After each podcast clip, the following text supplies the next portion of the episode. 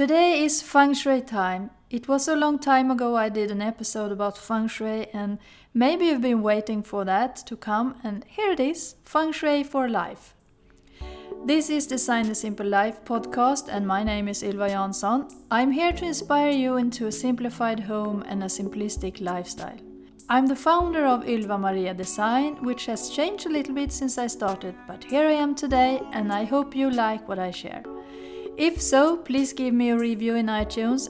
That means a lot to me and will also give me the opportunity to continue share free value each week. Before we start, I would like to tell you that I have a free audio training waiting for you. This audio training help you to get stress-free amazing mornings. I will give you my best tips and it also includes a visualization audio. If you go to my website www.ylvamariadesign.se you will find it there. When you have signed up, I will immediately send you the free audios. Sounds great, right? So now let's talk feng shui, one of my favorite. I have used feng shui very long time and about Eight years ago, I became certified feng shui consultant, and then I have helped very many women implement feng shui in their own home and life. For some reason, I have only had women as my customers, but some of their husbands was listened from a little distance. They were interested, but I don't know if they were afraid or something. But that's the reason I decided to get my focus to women in my business. It's not that I don't want to help men, it's just about that I have only got requests from women. So, what is feng shui? The old wisdom from East about the art of placement. It's very interesting to know that people in China, Hong Kong, and so on use feng shui when they build their houses. They place them in the right direction and also for protect themselves from danger. Some people say that it's just fluff and a little bit woo. I was also a little bit skeptic from the beginning, but now I know better. People have used the feng shui method for many thousands years and if it would not give positive outcomes, people should have stopped using it. We use the element from the nature, the compass, yin and yang, and some more great tools. I can, for example, tell you your best direction when you're sitting at your work desk so that the energy works well for you and not against you. Sometimes it could help to just move the table a little bit and you will feel a difference and also could get more success in your work. It also works very well together with the law of attraction and I have studied the law of attraction very much. And your thoughts are very important. If you want something and you always think about what you don't have, you're working against the law of attraction. It's always better to think positive and remove the negative words as I don't or I can't, and instead think about how you say things positively. That has helped me a lot in my life, Always when I smile and feel happy, people smiles back at me. Also your posture is very important. If you think about your posture and strengthen up your back, I know many things will change. You can't be happy if you sink with your back and head. So try to change your thoughts into positive ones and challenge yourself a little bit when negative thoughts comes into your mind and think about how you talk. I know it's impossible to be happy all the time, but you can think about it at least and you will see that things will happen very fast. You can also think about what you have around you in your home. How is your surroundings looks like? Is it positive or a little bit negative? How do you feel when you're coming home? Do you get energized or do you get tired? Think about what kind of things that give you energy and what kind of things that you will be tired about thinking of or looking at, and maybe sad when you're looking at them. I mean, does it make any sense to have things around you that makes you sad or depressed? Probably not.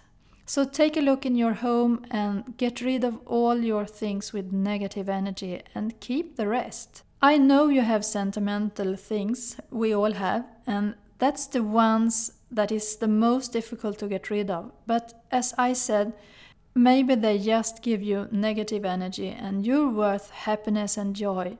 You can also take a look at your pictures on your wall. What kind of energy do you feel when you're looking at them?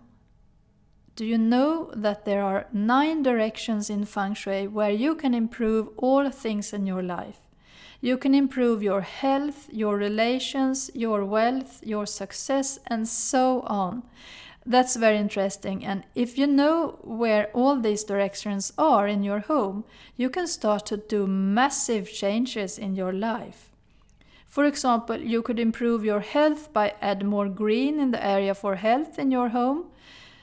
When you learn more about feng shui, you also get to know that there are so many things to do to get success in your life.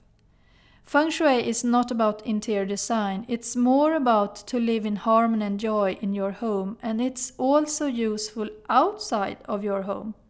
Where your home is situated, if there are any water there, if there are any trees or forest or open areas, if you have your neighbor close to you or not. There is a lot of things to think about to bring good feng shui into your life. Another thing to think about is your clothes and the colors of them. You probably know that you feel totally different if you wear red colors compared to, for example, black. They are the opposite according to feng shui. Red is fire and black is water. If you are very stressed and need to be less stressed, you could use black or blue clothes. The water element is very calming. It's very calming to listen to water and also to be nearby the beach and listen to the waves. But if you would like to be seen on a party, you could wear a red dress. Then people will give you attention to you. But be a little bit careful and don't paint too much red in your home.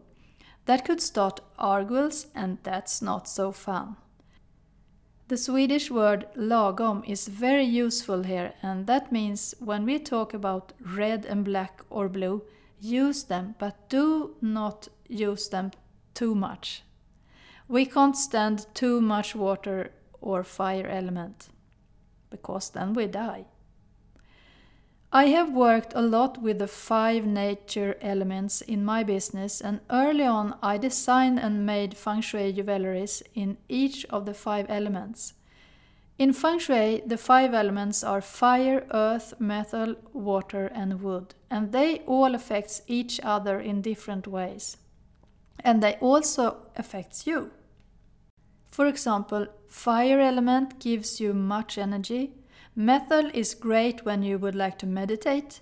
Water is good if you need to calm down. Wood is the best for your health. Earth is a very grounding element. There are much more about the elements and how you can use them to feel good. If you're interested in feng shui and would like to book a consultation with me, just send me an email to info at ylvamariadesign.se or a message over Instagram at ylvamariadesign. And I usually don't have the opportunity for private consultation anymore, so this is a very exclusive offer. So, what I can say about my experience of feng shui is that you can change your life tremendously if you use feng shui in your life. For me, it has become a lifestyle and I can't live without it. Feng shui has changed my life so much since I started to use it. That was all for now. Don't forget to hit the subscribe button for my podcast in iTunes. And if you would like the free audio training of how to get amazing mornings, just go to my website www.ylvamariadesign.se or click on the link in the description here. Do something fun today that makes you happy. I wish you a lovely week. Bye for now.